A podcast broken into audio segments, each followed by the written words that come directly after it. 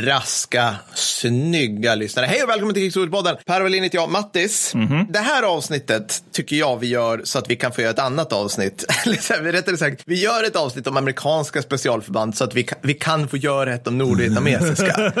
Jag vill bara ha det klart Ja, nu. ja jo, nej, men, Eh, alltså- jo, jo, det är ju lite så. Vi börjar med republikfriande och ohipstriga, det vill säga Studies and Observation Group. Och eh, sen, så, sen, så, sen kan det ju vara så att vi kanske vill göra någonting annat än några väldigt mycket mer hipstriga också. Men det, det kommer i tidens fullbordan. Det Ja, det ska vi göra. Det, Det, ska vi ska vi göra. göra. Nej, men precis. Och MacV-såg är väl ändå roligt så. Det är jätteroligt, Ja, för det har vi pratat om i försnacket, men det här är ju tv-spelsförbandet. ja, ja, jajamensan. Det, det är liksom så här, de får välja sina egna vapen. Det är också det här svartkrabba-förbandet, att så här, det dyker upp en generallöjtnant. Ja, och bara, ja. grabbar, det här är ert uppdrag. Och de vet. bara, fuck you sir. Och de är typ sergeanter. Alltså det, det är liksom den stämningen i det här förbandet. Och det är jättehemligt och de är duktiga. Det, det är liksom... Det, The Colonel dyker upp i en helikopter, han har pilotbrillor, kliver in och för en specialförbandsoperation långt in i djungeln så tar en briefing på fem minuter. Ja, ja, ja, ja. Four Eyes står där och så här pillar med någonting. Sarge här, står där, yes sir, och typ The Animal håller på och bara, ja. I just wanna kill some gooks. Och grejen är också att Animal och Sergeant Force som har massor med medaljer men de bryr sig ju inte om det. Nej, utan nej, The. Colonel lägger det bara det i en separat låda liksom. För alla vet att de egentligen vill, vill ut i bussen. Så. Ja, ja, precis. Nej, det stämmer. Det här ska bli väldigt roligt. Först och främst ska jag säga så här, jag sitter och spelar in, jag, jag bjuder på suboptimalt ljud idag. Roligt. Ja, men så här, jag har en massa elektriker som driver runt hemma, så jag sitter på min frus kontor. Därför vill jag nu stifta ett öppet brev till fastighetsbolag med kontor. Följande lyder. Snälla, sätt upp sådana där takfästa hotellgardiner Ja. så man kan dra för alla fönster Ja. och så. Så att Ja. det både bort med ljus och framförallt studsande ljud. Ja, det är ja, det. ja. Ja, Slut du, öppet att- brev.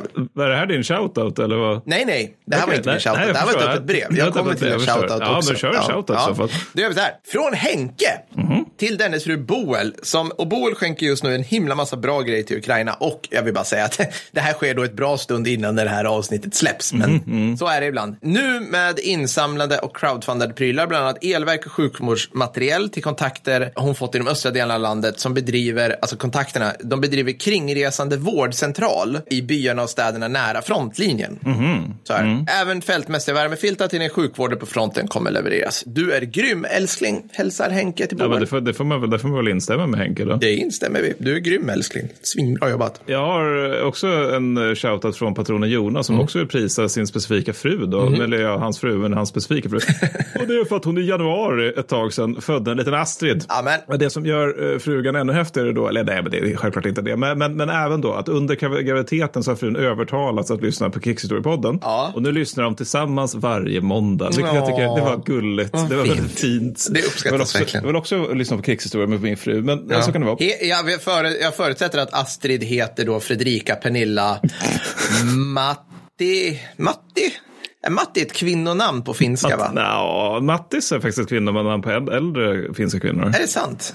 Ja, det Mattis? finns typ så här 96 kvinnor i Sverige som heter Mattis. Jaha. Jag, jag tror det är finskt eller finlandssvenskt. För det, annars finns det finns ingen kvinnlig variant av Mattis. Men det väl typ Så. Matilda eller något sånt där så fall. Ja, just det. Precis. Mattan. Ja. Ja. Ja, vi, ja, vi förutsätter att, att Astrid heter det emellanåt. så att, ja. Ja, Men sen så hade jag också en liten improviserad shoutout till en, en Alfons Mm. som tydligen lyssnar på oss när han ska sova. Och eh, det är ganska privat men han har haft det väldigt tungt. Och eh, att vi har eh, betytt någonting för dig Alfons, det har gjort att jag har tyckt att det känns ännu mer meningsfullt att göra den här podden. Ja. Så tack, tack Alfons för att du lyf- lyssnar. Enormt tack. Mattis, Ja. vi har ju gjort en eh, vacker sak, tycker jag, för att säga för själv. Ja, Ja, men jag, jag, jag, tror, jag tror så här, helt ärligt talat, att vi är nog unika i, kan, i Sverige åtminstone, kanske i världen. Att vi, Vi är framförallt liksom väldigt ödmjuka vill jag påpeka. det är vi verkligen. Nej, men du får stå för ödmjuka. Jag Mm. tycker att det vi gör är helt episkt. Men det är också så här, det är tack vare alla våra patrons som vi kan vara så här episka. Så jag Ja. liksom, genom att jag är totalt narcissistisk så liksom försöker jag föra fram deras Mm. fenomenala insats i det här världsunika som vi har gjort. Och det är nämligen så att Det är inte världsunikt. vi har tackat nej till reklam. Ja, det har vi gjort. Vår hostingtjänst eh, Acast har tjatat på oss ett tag, alltså skaffa reklam och så hade jag ett möte och så sa de så här, ni kan få typ, ni kan få så här 80 papp i månaden, Mm. typ, kan ni få in om ni lägger in så här, köp en kaffe på, gratis kaffe på Pressbyrån, du vet, en gång per avsnitt, Ja. lalala. Ja. Och vi är så här, vi bara, mm, mm, mm. Och, så, och det, absolut, jag vill bara säga det, så här, inga patrons skulle ju utsättas för det här på Nej, något som helst vis. inte. Så vi bakade in det här liksom, eller vi, vi, vi, vi tänkte så här, vad gör vi då? Ja men vi, vi, stä- vi frågar ju våra patrons Mm. utifrån kloka arbetsgivare om vi ska ta det här strategiska beslutet för företaget och podden. Ja, ja. Och vad ska man säga, det var blandade svar. Ja, men det var ju liksom en majoritet, majoritet, men en liten majoritet sa ja men kör. Men Ja. sen så var det en stor minoritet som sa eh, kör inte. Mm. Och att det, det var liksom, det, i vanliga fall när vi frågat våra patroner ska vi göra X? Då brukar ju de svara med så här 99 procent att ja, gör X! Kör! Kör! Här behöver du Maserati. Ja, typ sådana saker. Ja. Och det är sånt där, den här sista procenten brukar vara någon som hör av sig då. Förlåt, jag tyckte fel. Jag tyckte fel, men jag menade kör. Ja. Men så att om det var så här, då känns det som att då är det någonting som är lite fishy. Är Ja. det någonting vi nog inte ska göra. Det var exakt, och jag tror det som fick oss att, att eh, komma till ett beslut snabbare var nog alla era kloka funderingar till Ja, det här. Jag, jag kände mest det som tog i magtrakten var det här att, alltså så här, det är klart, alltså det är pengar och jag som Patreon liksom, be- berör, liksom berörs inte det här. Men det är liksom, känslan påverkas samt att, nu, nu trycker jag ihop massa människors Mm, ja, olika ja. argument här, men samt att jag blir mindre benägen att rekommendera er för för en polare. Mm. Och det är Och vi här, har, det är ju det som är vår reklam. Vi har ingen reklam i övrigt. Det är ju det som är vår reklam. Precis. Att, att du som lyssnar på det här berättar, jag vet en schysst podd. Mm. Det, gör, det gör att, liksom, att jag kan köpa vinterdäck till Maserati. Nej, men förlåt. Nej, men det, det gör att jag kan ge mina barn mat. Ja, ja, jo, jo. Och sitta i en sommarstuga i Dalarna med kastljud just nu Ja, när vi spelar in ja. här. Eh, Sådana saker. Nej men precis, så att vi valde att inte ha reklam Ja. i, i våra, våra ordinarie avsnitt för er icke-patroner då. Och om det någon dag skulle börja dy- dyka upp det, då är det ett tecken på att vår Patreon helt enkelt har havererat. Ja. Det är ungefär så det funkar. Men ni kommer få höra det långt innan. Ja. Så kan jag Ja, säga. Jag tror vi kommer vara väldigt öppna med att nu viker ju vårt det här och det börjar bli jobbigt och svettigt. Ja, om det så här, händer men- överhuvudtaget. Så här långt så går det ju fortfarande bra på vår Patreon, vilket är roligt. Absolut. det- Men så jag vet inte, det här är väl ett sätt dels att uttrycka, vi har, be, be, be, beskriva, vi har fattat ett beslut om det här. Och dels så skulle jag också vilja säga, som jag alltid gör i alla Patreon-avsnitt, eh, stort jävla tack till er som faktiskt anställer oss som eh, Patreons. Ja, ja. Ja, det, här, det här, för min del finns det liksom inte riktigt någon plan B. Det här är Nej. min plan B. så, så jag är väldigt glad att det här fungerar så pass väl som det gör. Jag är också glad över att jag inte behöver rekommendera Bosses eh, lack och eh, reparation eller någonting för Ja. att jag ska liksom kunna eh, försörja mig. Så det är jag väldigt glad Ja, men över. Så stort tack för det. Ja, ja, ja vi, från djupet av våra hjärtan, enormt tack för att ni är våra patrons. Om, man vill om, man, om du som lyssnar på det här vill stödja oss men inte vill bli patron så har jag blivit tillsagd att vi, ska, vi har ju faktiskt en Ja, swish. ja okej. Jag har ju såklart inte det numret framför mig, men vi, ska vi lägga in det i avsnittsbeskrivningen? Eller vad det säger känns, ni? väldigt, Nej, det känns som att vi skulle ha lagt in reklam i så fall. Ni får hitta Ja. vårt swishnummer eller bli Patreons Ja, helt vi, enkelt. vi försöker lägga in, det Ja. finns på vår hemsida, det det bestämmer jag från och med nu. Det är så jävla professionell verksamhet. Nej, Fredrik skakar på huvudet. Det gör inte alls det. Skitsamma, vi har en swish och den får ni jobba lite om Ja, ni vill ha ut. det. Men det bästa är att bli vår Patreon. Ja, det är Så bra. är Då det. får ni någonting också. Det Ja, får det typ, får ni. Jag vet inte, Det får ni. 58 avsnitt eller vansinne. ja, det är verkligen mycket. Det är det. Ja, men som sagt, enormt tack till våra patrons och är du inte patron så fundera på hur vi blir det. För Ja. vi, gör, vi, gör någonting, vi gör någonting fint. Det är tack vare våra patrons vi kan göra någonting fint och inte ha reklam. Ja, Så vill jag säga. Ungefär, ungefär så. Nu ska ni få lyssna på sång. Jajamän. Så med det sagt, ska, jag- ska vi köra lite sång? Ja, jag har jättemycket. Jag har så kallat alldeles för långt manus. Jag ber redan nu Fredrik om ursäkt där. Eh, vi kommer dra över med 45 minuter. Jag hoppas du är redo för det Fredrik. Minst. Och vi kommer kräva massa så här inlägg. Ja, här vill vi ha den där, låt, den där Vietnam-låten. Här ska spelas Painted Black under min prata långsamt. jag vill ha en sångjingel. Who are you? The worst då, vi ska prata om MacWee SOG då. Och eh, MacWee står för Military Assistance Command Vietnam Mm. och SOG står för Studies and Observation Group. Ursprungligen skulle de kall- kallas för Special Operations Group, men det insåg någon, någon intelligent amerikan någonstans att det här ska vara ett hemligt förband. Ja. Om vi har något i TOen som heter Special Operations Group, då kommer ju det avslöjas vad det är. Så det får bli Studies and Observation Group. Men oavsett, det som är begynnelsen då, det är att Grisbukten får John F Kennedy Mm. att tvinga CIA att lämna över de här rena krigshandlingarna som CIA har sysslat med Ja. till, till den faktiska krigsmakten. Okej, så CIA höll på med krigshandlingar Ja, innan så Grisbukten? Gris- ja, Grisbukten ja. var ju i praktiken en sån. Då.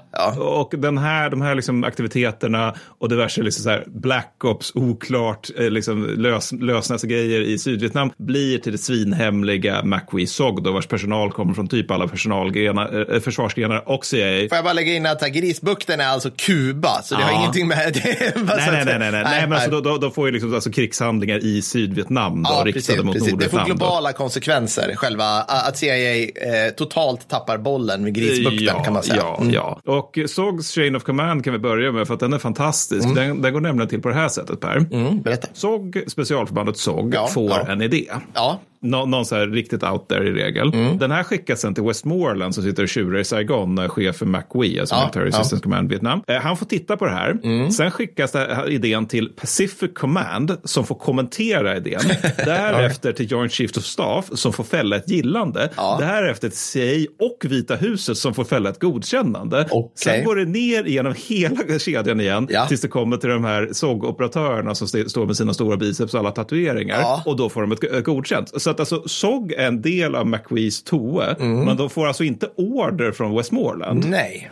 Nej, Utan, utan ja. liksom, i förlängningen får de order av presidenten. Men, men det känns ju som en oerhört lång, alltså så här, oerhört byråkratisk väg. Ja, Sa vi ja. inte att det här skulle vara high speed, low drag, Jo, jo, get jo, some... eh, I högsta grad. Men, men också, det låter ju coolt, för det, det är ju verkligen det här filmiska där, där det är liksom presidenten lyfter telefonen och säger bara få det gjort. Och sen så ja. är det liksom väldigt många lager av deniability mellan honom och de som gör grejer. Liksom. Ja. Men det är ju ett handikapp också. Ja. För att dels det är trögt, men dels också att det gör det initialt svårare för SOGarna att rekrytera personal, men framförallt är det kanske också att det här gör att SOG inte känner till exempelvis West- Westmorelands planering av saker och Just det, för de, de är inte med i den snurran. Nej, liksom, de nej. får inte PMet. Nej. Där, vecka, veckans operationer, typ. Nej, men, nej, men så, så att, då, då, då, det är säkert, någon, säkert förekommer det liksom att någon säger att ja, vi ska ju genomföra eh, Junction City eller någonting, men, men det är liksom inte, det är inte, det där, det, det är liksom inte en perfekt liksom, sambandskedja mellan de två eh, organisationerna. Amen. Och det SOG ska göra då, det är att det består av flera ben, inklusive PSYOPS, vilket vi kommer att prata lite grann om. Amen. Men det är framför allt spaningsförbanden inom SOG som vi ska killmys över. För det här Jajamän. består av killmysprogrammet, Det här av killmysprogrammet. Eh, för till att börja med så är deras operationsområde guld. Det är alltså hela, alltså hela SOG, både spaningsförbanden och med flera, ska kunna verka i Laos, Kambodja, Nordvietnam och ha som beredd uppgift att också vara i Burma och Kina. Bra. Det här är alltså, majoriteten av de här platserna, eller samtliga de här platserna är ställen där USA officiellt inte har trupp. Absolut inte. Nej, nej, nej. nej. Man har nej. en trupp i Sydvietnam och inte i Kina Ja. där man ska kunna vara beredd att gå in.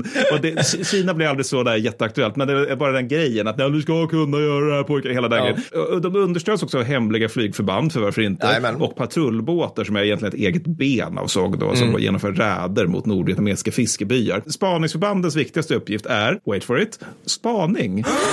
Nej, men lägg av. Ja, Va? ja. och det, det, det är också, det här är en lite lustig grej med, med SOG, det är att det är sådana la, många lager av killmys Ja. eh, i allt som skrivs och sägs om SOG. Ja. Att man får liksom på något sätt, man får nästan påminna lyssnaren om att det här är alltså spaningssoldater. Ja, för. För, att- för att alla så här, liksom SOG hero sight och så vidare, där är allt så här, ja vi gick genom djungeln, vi bajonettade de här tre, vi var värnpliktiga och så, så ströp vi ut en general. Alltså det är själva dödandet som brukar vara grejen då. Men det är spaningen som är deras faktiska raison d'être. Men det är nästan så att så här, när de väl, när- om dödandet drar igång, då Ja. är det ju snarare så att någonting kanske har gått fel eller det är liksom en beredd uppgift som vi Ja. måste lösa ut själva. Helst hade vi suttit, men egentligen så ska vi ligga här i den här oplatsen och bajsa i en påse i Ja. en djungel i Ja. så här, nu ska vi se, för evigt ungefär. Ja, jo, men det, ja, okej. det är mer Mm. det. det, är mer det. Och inledningsvis så, så sköttes alltså den här typen av spaning av Arvin. Då. Mm. Det var de som fick åka in i Laos och försöka se sig omkring. Ja. Fin-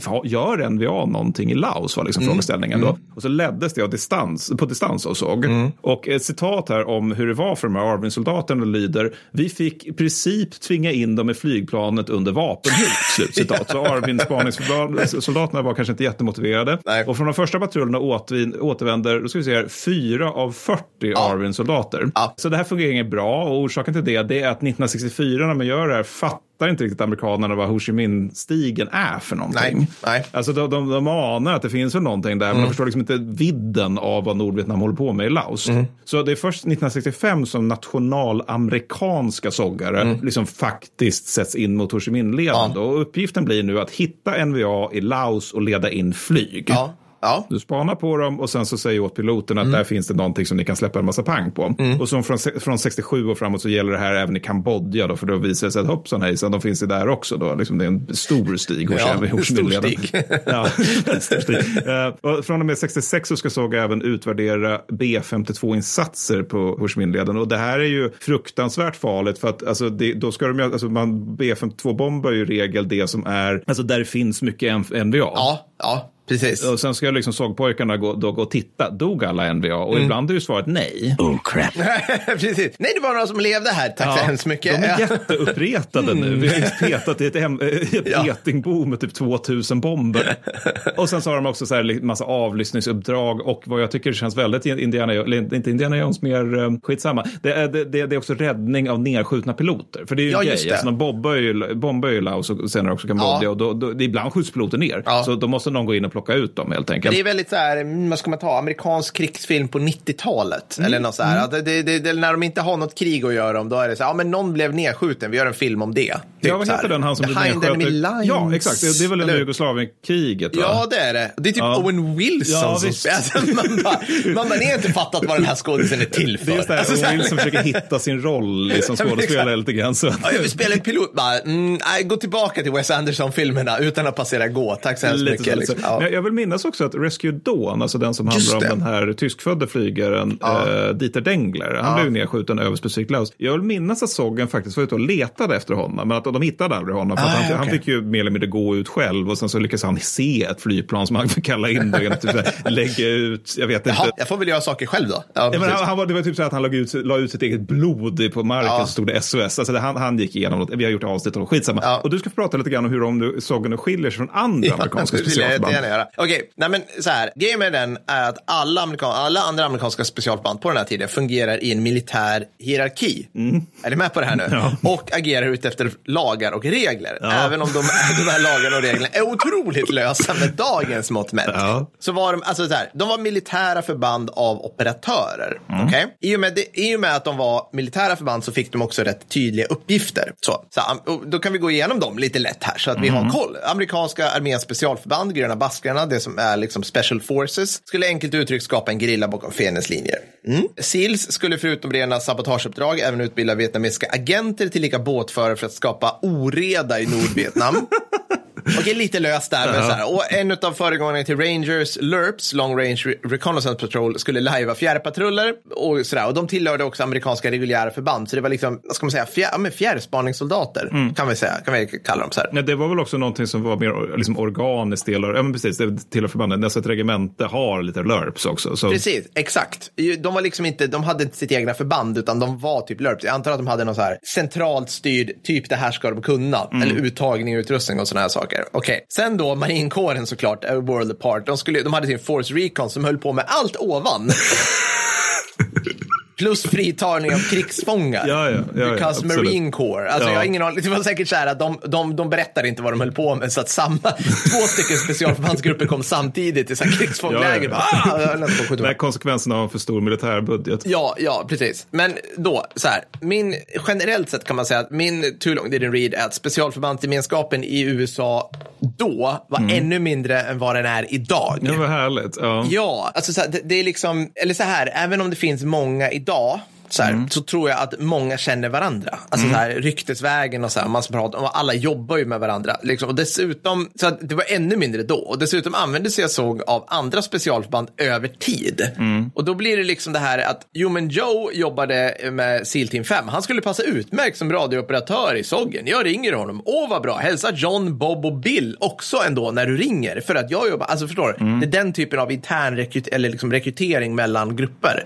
Det är liksom, det är så här svenska kulturlivet antar jag. Så här fungerar på det här viset fortfarande. Och specialförband under, Vietnamkriget. Så egentligen man kan säga så här att de andra var militära förband då, som jag varit inne på. Men SOG, det var en organisation som råkade bestå av operatörer. Ja, Förstår visst, du vad jag menar? visst. För att det, liksom, det gjorde ju att den här äh, intressegruppen för Nordvietnams besegrande, vilket det var, Sovjet, de kunde hålla på med spetsnäsegrejer för att de tog in folk som råkade kunna det. Liksom. Så här, men de var, liksom, det var inte, de var inte i första hand specialförbandsoperatörer i en militär enhet, utan de var så här, vi är här för att lösa den här uppgiften och några av er råkar vara operatörer, vad bra, då kan vi hoppa fallskärm och dona och fixa. Precis, helt att inte, SOG består ju inte ut, alltså spaningsförband gör det, men SOG som helhet består ju också av typ analytiker. Exakt. Och, de, och de är ju liksom inte de här liksom tatueringar helskäggsnubbarna, utan de, de, de är ju liksom civila. De, Ja, de, ja. de ska kunna siffernissra för att använda ett 60-talsuttryck. Ja, verkligen. Som gillar att sitta på kontor och Ja, så här. ja. här. Ja, men precis så. Så det var liksom, some där skulle jag säga att såg, sågen innehöll lite av allt, men Mhm. mycket SEALs har jag förstått det som. Och det är väl att du kommer kanske du in på, men just att de, ja, men det här eh, att de höll på med båtar och längs kusterna. Så de hade mycket, de plockade in många SEALs helt Mm. enkelt. Och idag då, alltså eh, arvtagaren, jag vet inte om det, jag vet inte hur mycket det håller faktiskt. Så eh, säger man till SOG är ju den här SAD, vilket Just är en det. rolig akronym, Special Activities Division, Just som det. CIA då håller. Och den består, om jag fattat, av handplockade individer från Delta Force och Devgru, alltså ett steg över Tier 1. Tier 1. Gud vad mysigt det här är. Men jag tror på den nivån, ja, ja, man kanske fortfarande håller på och sparkar dörr och grejer, men jag tror Ja. mer att det är liksom, nej, jag, vet inte. Någon gång har jag varit väldigt naiv och tänkt att ah, men det vore lite coolt att skriva ett inlägg på Insta om SAD. Mm. Men då måste man ju ha en bild. Då måste man ha en bild, ja. Mycket bildgoda. Ja, ja, nej, det, jag började få hem konstiga brev från CIA. Jag Ja. sa, du har googlat SAD. Det är, mycket, det är olagligt i hela västvärlden. Ja, exakt. ja, men det var väl typ i stora hela. Mm, det är svårt att säga, men, men ja, de skiljer sig. Det De gör skiljer sig, de. Ja, nej men okej, men då ska jag gå igenom beväpning och utrustning. För jag tänker, är det Killmyspodden ska vi fortsätta med Nu, killmyset nu där. kör vi. Det är nu det blir liksom så här startskärmen på Call of Duty Black Ops. Ja, ja, ja. Är liksom Absolut. Nej, men det här är verkligen det som You want a vara- sawed off shotgun? ja, men det här är Yeah. verkligen exakt det. Alltså, det är verkligen exakt alltså, som när man spelar en multiplayer-match och ska börja liksom plocka igenom vilka vapen man vill ha Mm. och vilka tillsatser man vill ha. För det är liksom, saken får, alltså de får vapen av, av bland annat CIA då, som överhuvudtaget inte ingår i krigsmaktens inventarie. Mm. Nej. Alltså dels är det ju saker som är liksom så här, det här, det här är typ så här experimentella guns, ni kommer få Ray-guns. Så här, liksom. men sen är det också lite annat som jag alldeles strax ska återkomma till. Men, men, och sen är det också att operatörerna, som om det återigen vore en jävla Mm. eh, liksom, multiplayer-match, de får ju stort välja vilka guns de ska ha och vilken, liksom, den grupp de ska ha, vilka guns de ska ha. ja. Så, och helst ska det då vara utländskt eftersom eh, vapnen, liksom, de ska inte gå att spåra. för att det Just det. såg jag är ju så jävla hemligt. Så att om en sågoperatör dör och han har liksom en M16 som det står, ja men det här är det det US numret. Army, Det, ja, precis. ja, precis. det gjordes i den och den fabriken och här är liksom ett brev från Lyndon B Johnson där det står, här unge man får du en M16, använd den väl mot vietnameserna. Så det blir inget bra liksom. Så att de, de, får, de får väldigt ofta just utländska vapen, bland annat, och det här är många svenska möpare väldigt stolta över, de var väldigt förtjusta i KPS 45.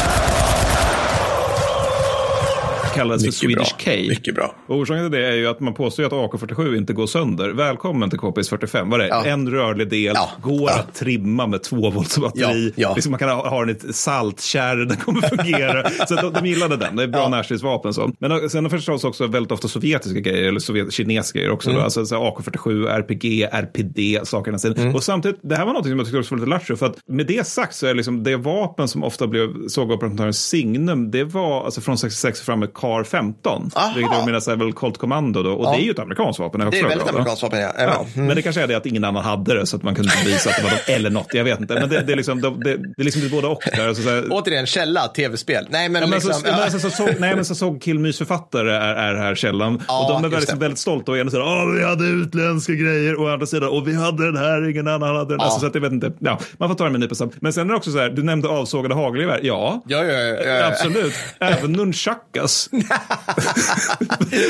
och ett armborst var det någon galen man som citat experimenterade med. Men det är ju så här, det är alla sådana, för, eller alla sådana förband, men det måste ju ha varit så här otroligt mycket herrarnas fria åkning. Att ja, ja. någon operatör bara snöade in på så här, i, så här österländsk mystik.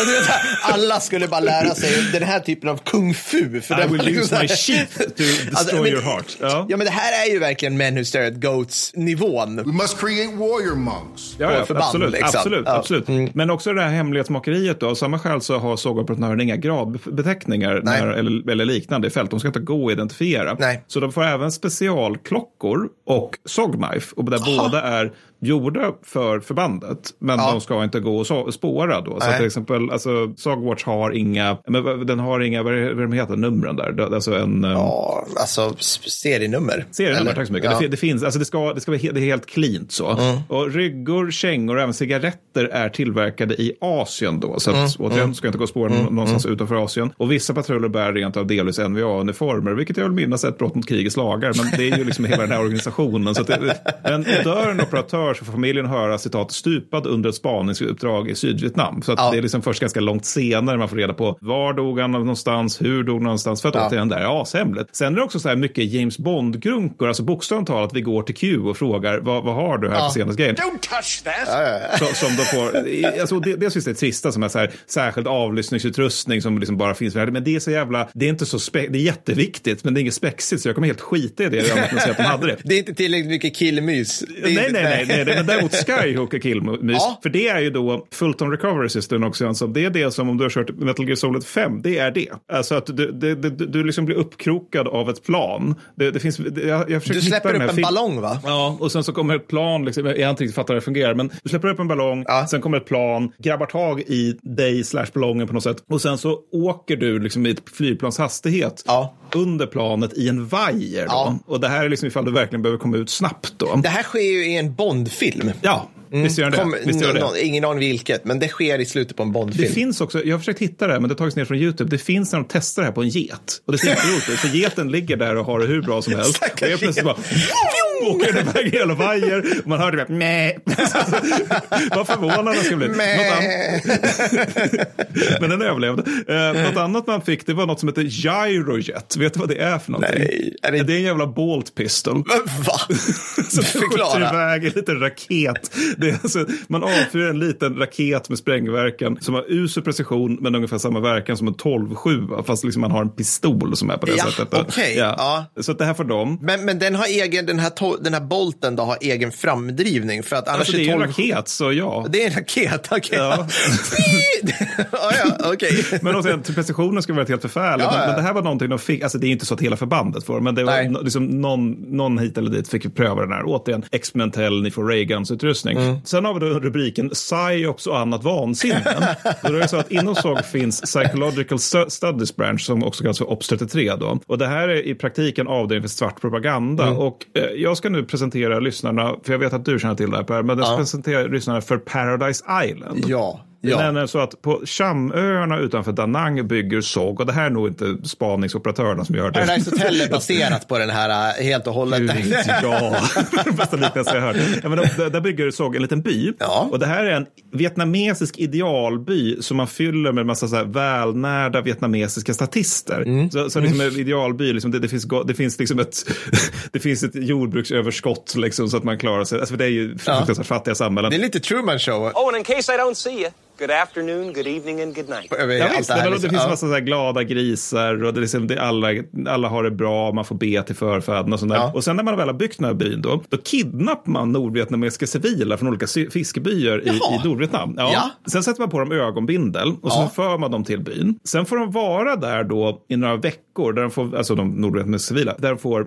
väldigt mycket mat och väldigt trevligt umgänge. Så alla Ja. är glada och vänliga. Sådär. Och medan de är där får de höra att de är, alltså de får aldrig veta på att ni är på Samöarna, utan de får höra att ni är i Nordvietnam fortfarande. Och att det här är bara en av många enklaver som drivs av en helt fiktiv antikommunistisk motståndsgrupp som heter Patriotiska sällskapets heliga svärd. För att man gör ingenting som inte är en tungvrickor i Östasien. återigen, alltså det heliga svärdet, de finns inte. Nej. Utan det här är bara någonting Sogga har hittat på. Så mätta och nöjda så får, civilisterna sen till sist då en liten goodiebag, inklusive en radio då som ska rapportera vad som händer i deras muspranka fiskeby där hemma i Nordvietnam.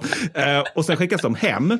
Ja, Och det här, det, det, alltså, syftet är liksom egentligen bara att de ska sprida det goda budskapet om att det, det patriotiska sällskapets heliga svärd existerar då till Ja. resten av Nordvietnam. Ja. Och de får även falsk information då om vad amerikanerna håller på med som Sog hoppas på ska hamna hos Nordvietnams säkerhetstjänst på något sätt. Då. Och det här är också det är ganska liksom omfattande, omfattande projekt för att alltså det är 1003 nordvietnamesiska civila som genomlever det här 1964-1968. genomlever, inte genomlider, för att Nej, det nej, verkar alltså, ju de har det nice. bra. Alltså, Förutom att bli kidnappad så... Nej, men de, de blir typ så här vaccinerade och Ja. avmaskade om de har problem med sånt. Liksom. Det- Kommer tillbaka solbrända, välnärda, tjena! Ja, precis så. Precis så. Hur är det här i kommunismen egentligen? Ja, men och du nämnde Paradise Hotel. Grejen är att hela den här verksamheten kallas naturligtvis av amerikanerna för projekt Humidor. För varför inte? Det är liksom peak.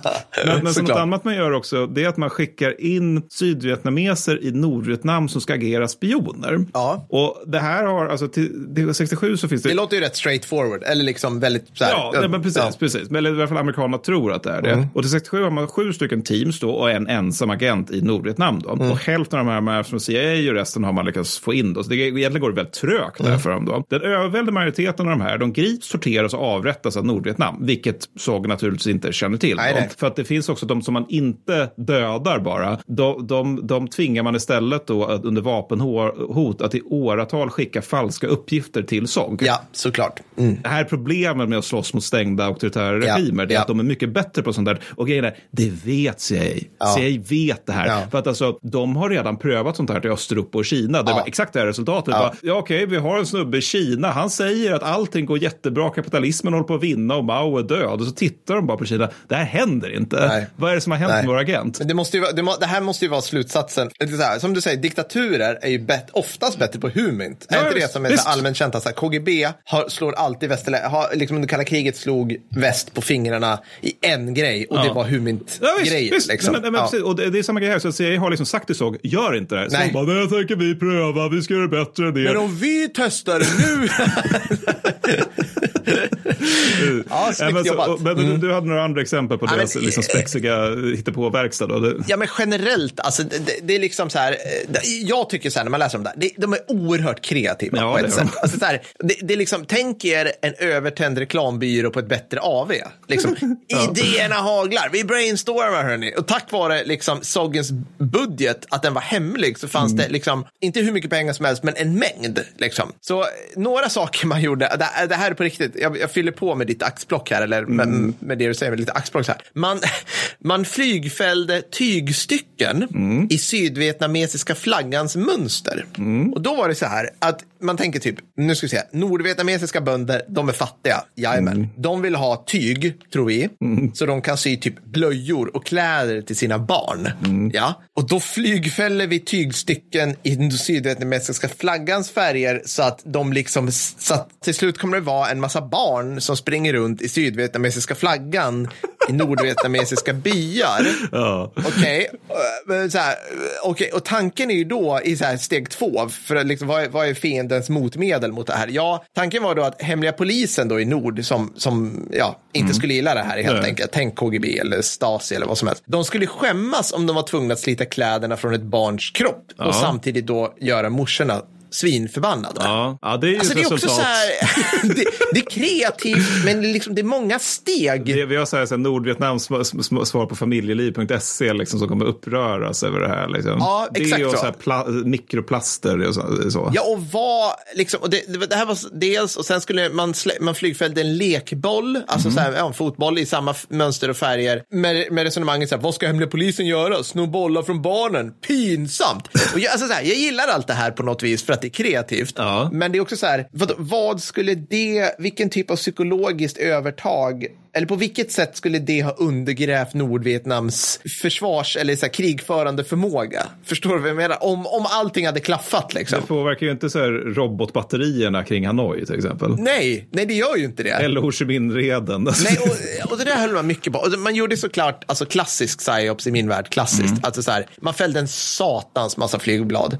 Och det här var inte verkning, alltså det, det här är precis lika lite verkningsfullt som det alltid är när man fäller flygblad. Jag vet, kan du rätta mig om fel? Jag har inte hört om någon, att det är klart att det är folk som har deserterat enstaka för att de har fått flygblad som säger så men det är inte, det är aldrig liksom Ja, det, känns, det här. det känns inte som det är någonting som verkligen det, det känns inte som någonting som har varit krigsavgörande i varje fall. Nej. Alltså, det kan ju säkert påverka individer, så där, men det är nog svårt att påverka liksom, organisationer med att man Ja. släpper någonting som mottagaren förmodligen tolkar som rena lögner. Precis, precis. Ja, men så här, okej, så man fällde en satans massa flygblad. Man sände en satans massa propagandaradio Ja. över Nordvietnam. Ja, Radio Free, Free Europe fast i Nordvietnam. Man hade en båt som låg där utanför, allt sådär. Problem, hur många utfattiga nordvietnamesiska bönder hade radio? Ja, det var begränsat. Det var ju de som åkte till Paradise Island. De, Det var de som de fick, de fick med sig radioapparater. Lösning. Ja.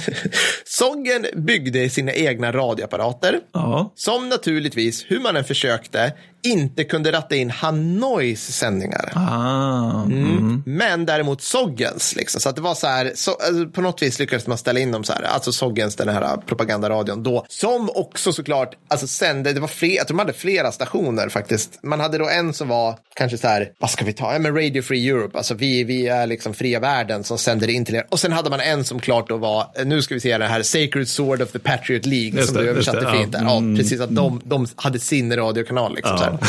Det skulle vara intressant att veta vad de pratade om. Bara, Vi finns på riktigt. Ja. Ja, det gör vi. Så är det nu, Gujen. Ja, precis. Exakt. Hur är det där du är? Jo, men det är fint där jag finns på riktigt, existerar och bedriver min helt autentiska motståndskamp. Vi är kapitalister allesammans. Ja, och liksom tusentals radioapparater släpptes över Nordvietnam och, och skickades in med båt. Oklart verkan här eh, där också då. Den här som vi var inne på då, eh, Sacred Sword of the Patriots League. Nordvietnameserna, Mattis, de, alltså, de hittade medlemskort på folk som var stupade. Jaha, så att det, det liksom, men så här var det typ att under patruller bakom fiendens så lämnade SOG kvar, alltså så här, de, de stötte på stupade nordvietnameser, då låg de in medlemskort till den här Sacred Sword of the Patriots League på dem.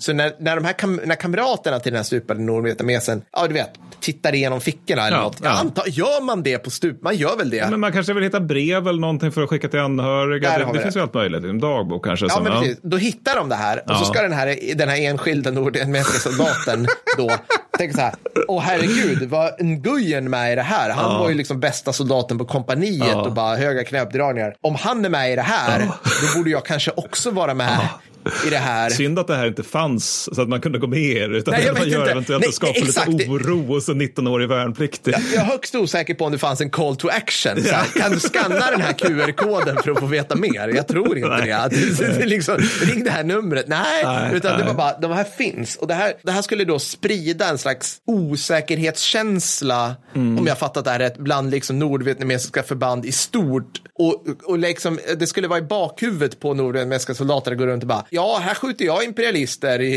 efter jag har gått ner hos min ledaren. Men jag skulle kunna lika gärna vara med i, i Sacred Sword of the Patriot League. Liksom. Och sen lämnade man kvar, kvar brev. Alltså det, det här är nog, tänk att sitta och göra det här. Man lämnade kvar brev, återigen på stupade nordvietnameser, från fiktiva familjer till nordvietnamesiska soldater som tjänstgjorde söderut. Just det. Det här la man inte bara på stupade tror jag, utan det här la man liksom, man la dem bara så att, så att Nordvietnam kunde hitta dem då. Och breven var naturligtvis preparerade så att de skulle se ut som att ägarna hade läst dem om och om igen. Och de placerade, ja, dels på stupade då, eller vid flitigt använda stigar i djungeln. Och då, då är det så, alltså det är så, innehållen i breven kunde vara typ att familjen klagade över, den fiktiva familjen, klagade över hur lite mat de fanns att tillgå, vilket skulle få läsaren då, den här ah, nordvietnamesiska soldaten som hittar brevet liggandes i djungeln att fundera hur det egentligen stod till i hans hemby. Hänger ni med på alla psykologiska men han vet steg? ju också, alltså han vet ju det. Alltså Menige Tuan vet ju att jag är uppväxt i den här byn. Ja. Jag vet att vi inte har så mycket käk. Alltså Nej. det här är inte nyheter för honom förmodligen. Nej, jag kan inte heller vara, alltså, så här, det, men, men liksom skapa ord. Ja, det det, väl- det är det- så många steg. Men jag har också är för så- att det fanns något förbud från LBJ att man inte fick skapa en motståndsrörelse i Nordvietnam för att Ja. man ville liksom inte eskalera kriget för mycket. Så men det- bara, but that's no fun. Nej, men också så här, okej, vi får inte göra det, får vi skapa oro. För det är att jag tycker ju att allt det här är barnsliga försök till psyop. Alltså det, det går inte att utvärdera Mm. Nej. Mm. och det har förmodligen ganska litet resultat. Och grejen är också att CIA, orsaken till att det är barnsligt är att CIA, de vet inte så mycket om psyops under den här tiden. Nej. Och arméet vet absolut inget och förstår Nej. inte poängen. Nej. Och grejen är också att, återigen, det slår mot stängda länder som är jätteduktiga på, på, på just specifikt det här Ja, också. ja. Jag menar, om vi bara jämför det så nordvietnamesernas propaganda, ja, ja, ja. den når Sverige. Det är nog Sverige. Ja. Olof Palme går i fackeltåg. Ja, med, ja alltså, det... med Nordvietnams ambassadör. Ja, ja. Medan Sogs propaganda når några urfattiga fiskebyar i Nordvietnam och kanske irriterar Hanoi. Alltså det, det är liksom, det är inte, jag vet inte, jag- det känns inte så väl genomfört det här. Nej, och, alltså, det, det är svårt. jag tycker det är alltid svårt när man jämför liksom, hemliga operationer. För att nu, nu lämnar vi avsnittstema, bara en kortis. Jag Mm. Ja, lovar ja, att komma kör. tillbaka. Mm. Men din och min och de flesta andra, vi anser att CIA är en tattig organisation. Ja.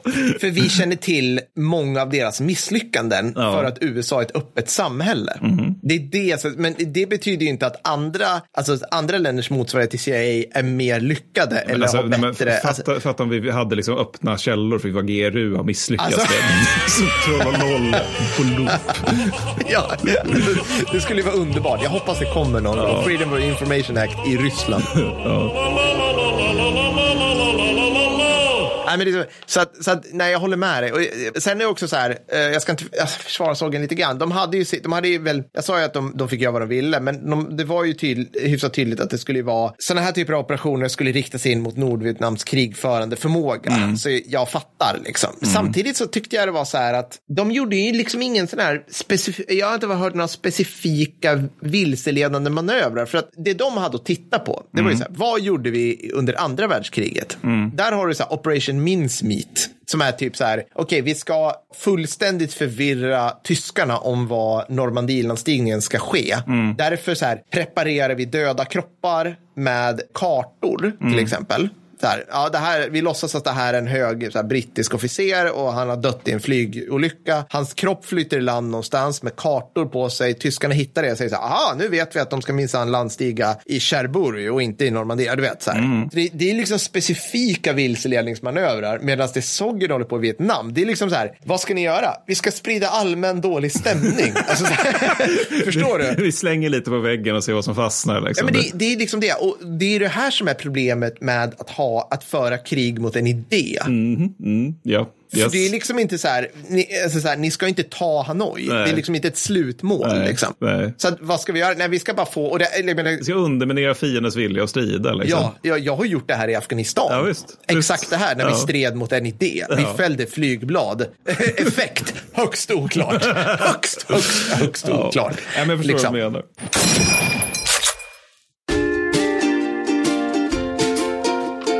Gösta Hotell och Porr AB har återupprättat Paradise Island, alltså den här fantastiska ön utanför Nordvietnam dit de tog kidnappade nordvietnameser. Det här är en otroligt lyxig vistelse som du nu får chansen att eh, ta tillvara. Om du är en nordvietnamesisk bonde på 60-talet.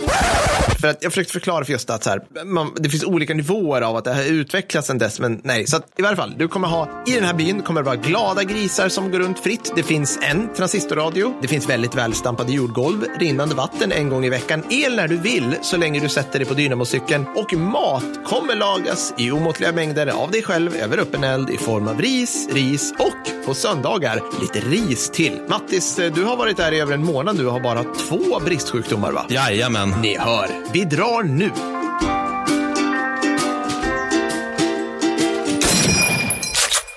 Men jag tänker gå, återgå till killmyset nu. Ja, vi- ja, förlåt. nu, ska Ja, vi, slu, nu ska vi sluta Ja. med det här med, med att prata om så, liksom komplicerade saker som liksom funkade någonting med det här. För nu ska vi prata om personalen inom spaningsförbanden. Ja, ja, berätta mer om Och dem. det går att sammanfatta med orden en hög proffsiga kufar och modiga psykfall. Vad kul att höra. Ja, Ja, ja. ja, men det var, det var sådana liksom. Är det nu vi äntligen får prata mer om, eller äntligen, som vi väljer nämligen i varje avsnitt, stort personligt mod? Ja, det är mycket Ja, sånt. Det är ja, väldigt ja. mycket sånt. Mm, Krigsavgörande med andra ord. Ja, ja. Mm. Precis så. Ja, men så hela såg, inklusive de bitarna som inte är spaning, omfattar 1965 128 man. Det är inte jättemycket. Men till 69 är man uppe i över tusen amerikaner och citat flera tusen slutcitat östasiater. Ja. Vi kommer återkomma till dem. 69 genomförs över 452 sågoperationer i Laos och Kambodja. Så Ja. 69 har man fått upp ångan verkligen. Ja. Och spaningsförbanden då, de är indelade i tre motsvarande bataljoner ish, liksom, Mm. där varje bataljon har ett högkvarter, ett rekkompani, alltså spaningskompanierna då, Mm. Två QRF-kompanier och ett SÄK-kompani. Då. Och varje rekkompani består i sin tur av 30 stycken teams. Mm. Varje team består av två till tre amerikaner och nio lokalt rekryterade krigare, ofta nungkrigare. Då. Det, här är ändå, det här är ändå fler än vad jag trodde. Ja. Alltså så här generellt. Visst är det det? Visst är det det? Får jag fråga dig, när du säger nung, menar du de här, det, det stavas H-M-A-O, eller? Eh, Ja, H- H-N-U-N-G eller Ja. N-U-N-G. Jag fick lite Det finns H-M-O-N-G, alltså mång. Och det, Ja. det, men det är separat folk. Så. Nej, är det ett... Ja, det är, men, men man börjar med nung, men mång kommer senare. Ja, okej. Kära lyssnare, Per har gått vilse i researchen inför det här Men man, man, avsnittet. man, vill man bara- tar ju från det som fransmän kallade montagnader, det vill säga Ja, bra, de här tack. som bor i bergen och inte vietnameser. Oklara bergsfolk. ja, men, och jag får det här till att det borde, alltså, det borde funnits då mellan 180 och 270 amerikanska spaningssåg, exklusive lokalt rekryterade spaningssåg, då, när kompanierna är fulltaliga, vilket de aldrig är, Mm. Nej, ska tilläggas. Och syftet då med, vi tar nungkrigarna, då vi säger nung helt enkelt för engelska, det är att de har lokalkunskap. Och om de dör, då gör inte det heller någonting. Nej. För att de är ju inte amerikaner, Nej. ergo det gör ingenting om de här inte. människorna Nej. dör. Nej. Och grejen är att Sydvietnam håller ju med, för de ser ju Nung som undermänniskor och Ja. tillåter dem inte att göra eh, sydvietnamesisk värnplikt. Nej. Men de får vara i Soggen Ja. och där får de en Arvin-kaptens lön. ja, vilket är hur mycket pengar som helst förmodligen för oklara bergsfolk. Liksom. Ja, men det är ofattbara summor för dem. Och de, de är inte dumma heller naturligtvis. Utan, utan de förstår ju att, ja, okej, så att om vi är SOG-operatörer då får vi, ja, då får vi, liksom, vi gå med på patrull. Ja. Så då, då, då får vi en Arvin-kaptens lön. Men också de förstod efter ett tag att, ja, okej, så vi får, vi får tillägg om vi har, liksom, vi kan visa att vi har olika förmågor. Så. Okej, ja. Mm. Alltså att vi, vi, vi har gått olika skolor. Ja. Så. så helt plötsligt så är det liksom någon, något sågkompani, spaningskompani som bara alla våra nungkrigare säger att de kan hoppa fallskärm. Bara, Jaha, vi gett dem utbildning i det? Nej, men de har en papper där det står jag kan hoppa fallskärm på lokalt språk. Hälsningar, mamma. Eller? Eh, hälsningar Saigon. ja, ja, ja, ja, exakt. Hälsningar president Jem, men inte han död. Skitsamma. Eh, så då, då bestämmer man sig för att ja, men då får vi väl testa det här. Så då stuvar man in en massa nungkrigare i ett Eh. jävla flygplan och säger bara här är fallskärmar, visa att ni kan. Och då, är så här, de, då står amerikanerna och tittar på nungkillarna och bara, de vet inte hur man sätter på sig fallskärmarna, är det här en bra idé? Och så, men så, så, så säger de då, men ta med tusan om inte allihopa hopp, klarade hoppet också. Så att de, är, Seriöst? de är modiga, om inte annat, och kreativa. Det här säger väl allting man behöver veta om vad en fallskärmshopparutbildning är. Ursäkta, ursäkta, förlåt. Nu kommer någon ringa från Karlsborg och bara, alltså. kan Per fucking Wallin komma hit så ska vi putta ut honom ur ett flygplan, se hur lätt Ja, det är. ja, ja, Men du ska, ja. dra en, sp- du ska dra en tråd, ursäkta att Hur svårt kan det vara? Absolut. Du ska ha en ryggsäck på dig som drar en tråd. det, kan, det kan inte alls vara svårt. nej. Nej. men så börjar man rekrytera andra bergstammar från 66 och framåt. Och själva rekryteringen och utbildningen den är också väldigt SOG, sådär, hej kom och hjälp mig. För att den går ut på att en SOG-NCO går ut i byarna, hittar lämpliga kandidater och tränar dem. Det är det. Det är så här Mr Miyagi-utbildning. Wax off. Ja, ja, ja, det är det. Men så förekommer det även operationer i pluton och kompanistorlek. Men det är ofta att man ska förgöra ett mål snarare än spana ett mål. Och det tar dessutom jättemycket av hela SOGs resurser. För man ska sätta ett helt SOG-kompani på krigsfot. Så Ja. det är väldigt ovanligt. Sen, men om vi tar just de här individerna då, alltså de excentriska, inte speciellt gentle gentlemännen. Då, där vi kan ta SOGs andra chef Donald Blackburn. Ja. Han är berömd i USA för att själv ha utkämpat grillakrig mot japaner i Filippinerna från, nu ska vi se, 1941 till 1944. Ja, ja. Så han är en sån. Han är en sån. Mm. Laurie Turney, en annan. Han, han, Mm. eh, han går med i SOG under sin andra tour i Vietnam. Han dör också under SOGs första uppdrag i Laos. Så det är först liksom sent, som, alltså det är typ alltså under vår levnad som man får reda på att ja, det var i Laos Mm. Shit. han dog. Ja. Sen har vi Master Sergeant Dick Meadows då. Såklart, han heter Dick och är Master Sergeant. Ja, ja, ja, det, det är bara- det oklara jävla eh, NCO-systemet de har. Men, men det, 1966 är han 34 år gammal. Mm. Och han har varit soldat i 19 år. Ja, just det. Så han blev soldat när han var 15. ja. Och det var för att han ljög om sin ålder då. Ja. Så han är en sån figur. Han är också berömd för att han, han under ett spaningsuppdrag i Laos lyckades fotografera marscherande NVA. Vilket du inte gör. Det är Nej. också en kamera från 60-talet som man trycker ner och så låter slutaren klick! Var det också blixt på? förmodligen. förmodligen. Eh, och han har också SOG-rekordet på något som är helt sjukt. Han har nämligen SOG-rekordet i antal krigsfångar. Hur Jaha. gör man det? Så han har alltså tagit folk på Ho Chi Minh-leden och så, så har de fått hem dem till Sydvietnam på något sätt. Det är otroligt imponerande måste jag säga. Ja, han tog 13 stycken. Ja, på en gång. Nej, för helvete, det är olika omgångar. Ja. Men, men, men ändå, bara ta en tänker jag måste vara oerhört svårt. Ja, se aztekerna. Ja, Mm. exakt, exakt. Det är blomsterkrig över det här då. Ja, men och sen så har vi då den som egentligen är mest känd tror jag. Det är förste sergeant Jerry Mad Dog Shriver. Det är alltid ett bra tecken när någon kallar sig Mad Dog och så kallar sig Mm. själv för Mad Dog. Och han är omtalad på Fort Bragg och utnämnd till Mad Dog av Ra- Radio Hanoi. Ja. Han är en sån här person som soggarna själva sa har citat spaning i blodet. Slutcitat. Och det de menar med det är att det är någon som har varit alldeles för länge ute i skogen. Ja. Alltså det, han, det var någon jag läste som menar på att det är, alltså han är väldigt lik, lik Rambo. I'm coming to get you.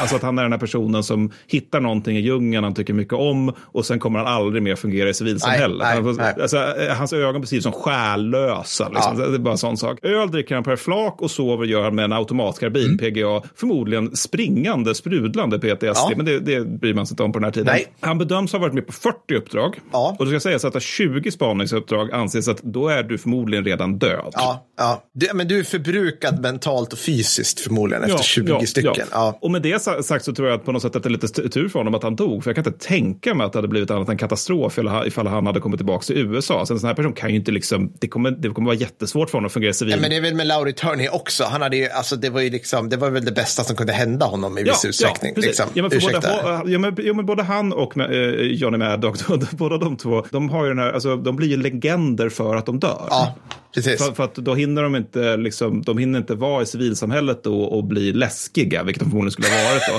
För det sista man ser, ser av Mad Dog, det, det är att man, man ser honom under beskjutning storma ett skogsby 1969. Ja. Och sen har alla så här, säger Soldier and Fortune Magazine och så här, Ja. de, alla de har bara, han lever säkert egentligen. Find him, I'll find you. Han är kvar i djungeln på något sätt. Han har, Ja, han har ja, skapat ja. en egen klan av nunnkrigare.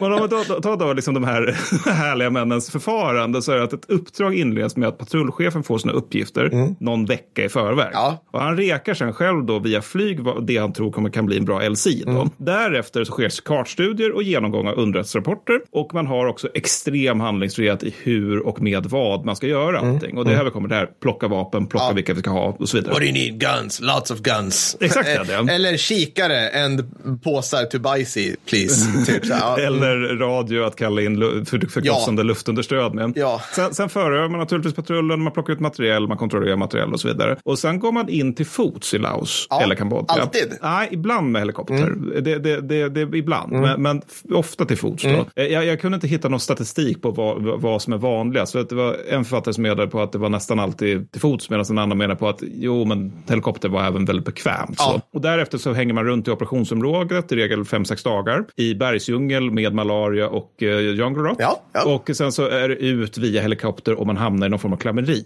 Annars är det till fots. Då.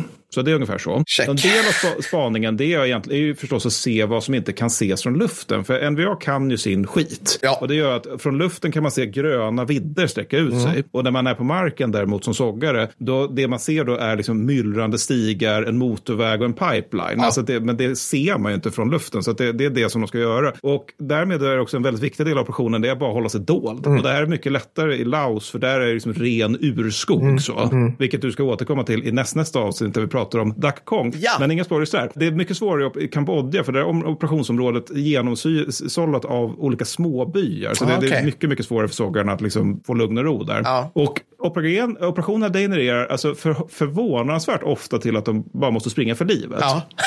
Ja, eh, och då är det liksom en ganska återkommande tillfällig lösning, det är bara att slå sig ur situationen. Ja. Orsaken till att jag säger tillfälle, det är ju liksom att NVAs eh, styrkeövertag är kraftigt om man säger så. Alltså om du har en SOG-patrull på två till tre amerikaner och typ nio nunnkrigare och så har du några regementen NVA som håller Ho Chi Minh-leden. Ja. Det är klart det inte funkar att slå sig ur alla situationer då. Nej, och det behövs inte x antal, alltså så här, även om det är liksom motsvarande hemvärnsmän mot SOG-operatörer, nu menar jag alltså svenska hemvärnsmän mot svenska SOG-operatörer, så är det ändå, det spelar liksom ingen roll om du har två operatörer mot en bataljon hemvärnsmän. Hemvärnsmännen kommer ju vinna. Alltså Ja, det, det, det de liksom, göra. De är fler. Det Ja, räcker, ja. som jag brukar säga, det räcker, Ja. räcker väldigt långt faktiskt. Nej, men, och sen är de är så pass hemliga också att i nödsituationer så skulle de kan, alltså det är i regel otänkbart att få hjälp av, säg reguljära armén om de finns, finns i området eller i närheten av området. Och om det mot förmodan sker så sker det så pass långsamt för man måste gå igenom så många kedjor Ja. där man förklarar för troops, äh, armétrupsen då att det finns några killar där det egentligen Ja. inte finns några killar. Att då är det ofta för sent liksom. Så att istället så om det verkligen blir problem då blir det ibland som det blev med Recon Team Arizona Mm. som var omringade av vad man bedömde vara en NVA-bataljon då, vilket innebär att det förmodligen var ett kompani egentligen. ja.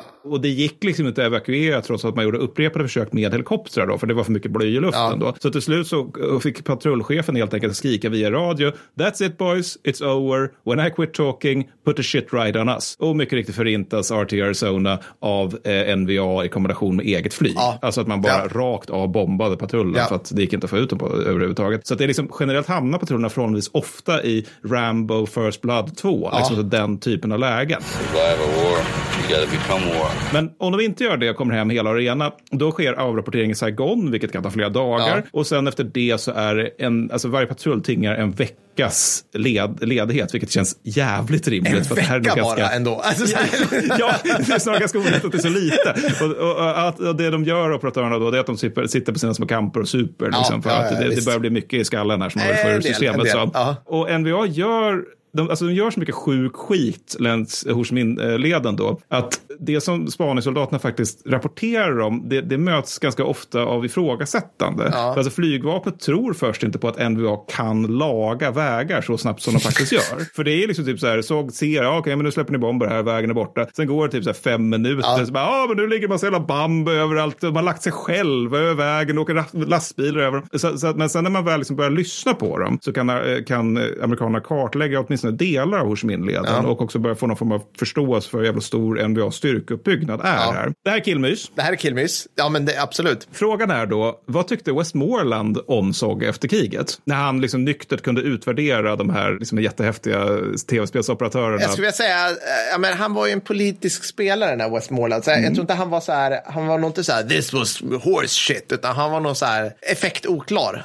Eller? Han, skrev, han svarade i en intervju, they didn't amount to a damn. Ja, okej, han var...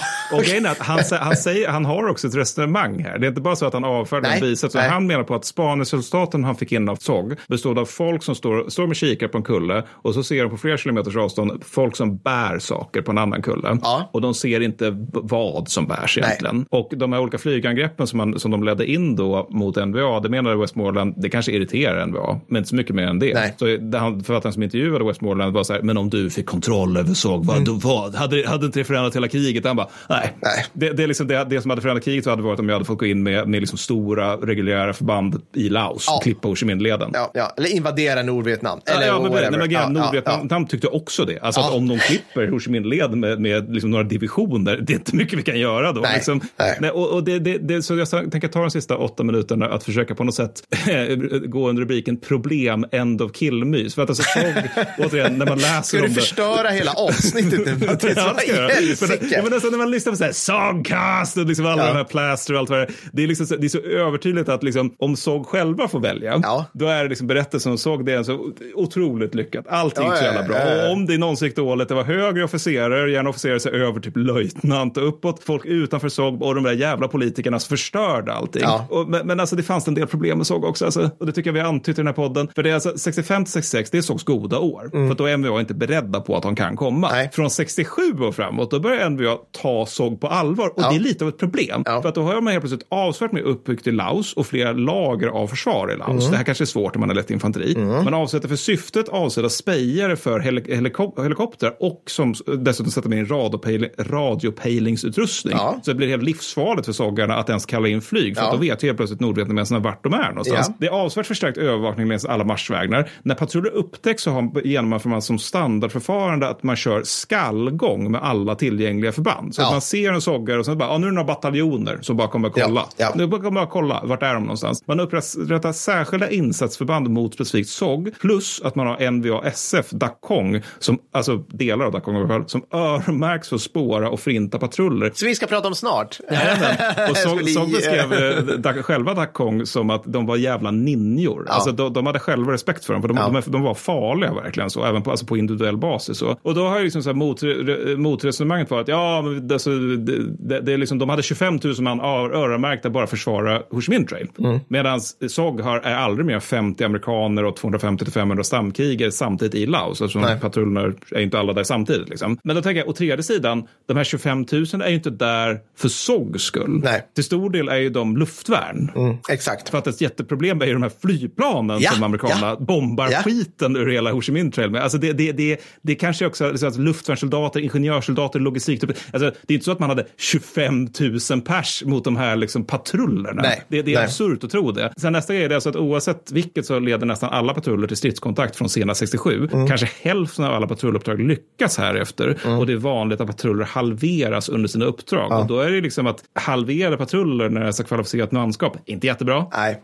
Nej. Ganska svårt att ersätta förmodligen. Ja. Och så ergo blir 1968 något av ett skitår. Och det är inte minst eftersom SOG då helt plötsligt sätts in som infanteri under tätt. Aldrig bra Va? med det. Ja visst. Men det, ja visst. Men alltså, det är ju så här, det är inte någon som vill det. Utan det är mer så att ja, men nu sker det ett anfall mot den eller den FSB'n. Där finns det SOG. Ja, ja, ja, ja, ja, det är sant. Det är sant. Ja, precis. Mm. Som i den där banan i, i Black Ops när Exakt, de anfaller exakt. och där man är. Och man måste, Äh! men det var ju tur att man vann hela den striden själv. Ja, men det är Kesan och de var vid Kesan också. Men där Jaha, vill jag minnas att de snarare var ute i djungeln och höll på att slåss, slåss istället för att Ja. de höll ställning. Jag tror inte de var, liksom, var i skyttegravar. då. Men, men sen så, eh, så under hela 1968 så är 83 stycken SOG-amerikaner och ännu fler nunnkrigare Mm. som dödas. Då. Och det är alltså många, många killed in action, Mm. återigen, när så lite förband med så kvalificerade operatörer. Plus då 200 stycken som såras. Mm. Det är fel, Eh, 83 döda eller, eller saknade ska jag säga. Ja, så, ja. så då är de uppe i eh, cirkus nästan 300 förluster på ett för- förband som typ inte är 300. Alltså de Nej. närmar sig, de, är- de, de hovrar kring 100-procentiga förluster 1968. Ja. Och eh, sen har vi det här också att eh, Lyndon B. Johnson, han stänger ner all SOG-agentverksamhet i Nordvietnam efter tätt. För att då vill Ja. ju han försöka komma ut där då. då alla NVA-motgärder gör också att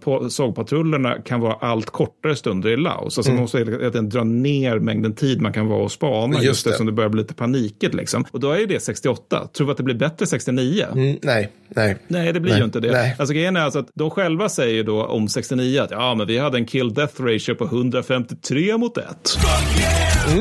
Ja. Eh, Har du gått och räknat alla då? För, Mm. för frågan, alltså, så- alla, alla är confirmed kills. Mm, ja. Man kan få tro det om man vill va? Ja. Jag tänker så här bara spontant, sikt i djungel. ja, exakt. Precis. Om man, om man tänker sig att det är en eldstrid då. Ja. Jag tänker Kokoda där, där australiensarna är, ö, 1942 är öv- övertygade om att de är fler än oss, men de dör i tusentals. Den faktiska realiteten, japanerna är färre, australiensarna tar högre förluster. Ja, ja, Och det handlar exakt. inte om att de ljuger, utan det handlar om att djungeln gör sjuk skit med sinnet. Man har ingen aning. alltså, det, om det är svårt för attackflygare att bedöma om de slagit ut stridsvagn A. Ja. Försök att, alltså det är, nej. Ja, nej. men för då, då tänker man som det är 553 mot 1 att man bara, ja men okej, det är inte bara eldstrid utan det är även liksom luftangreppen vi, vi, vi ledde in. Okej, räknade ni återigen Mm, antalet äh, döda Gick snarare än sårade? Liksom, Ja. det, det är en absurd siffra som inte stämmer. Nej, säga. Särskilt absurt blir att man säger 153, Mm. eftersom den där typen av exakthet det är sånt som medeltida krönikörer för att inte liksom seriösa historiker av facket. Så oavsett så blir liksom lyckade operationer allt mer sällsynta 1969-1971. En delorsak då, det är ju den här trista aspekten att SOG då vid det laget är infiltrerat av nordvietnamesiska agenter. Va? Va? Ja, Oj. ja, så kan det ju vara. Och dels är det då folk från Arvin naturligtvis, men dels också eventuellt minst två stycken faktiska amerikaner som... Va?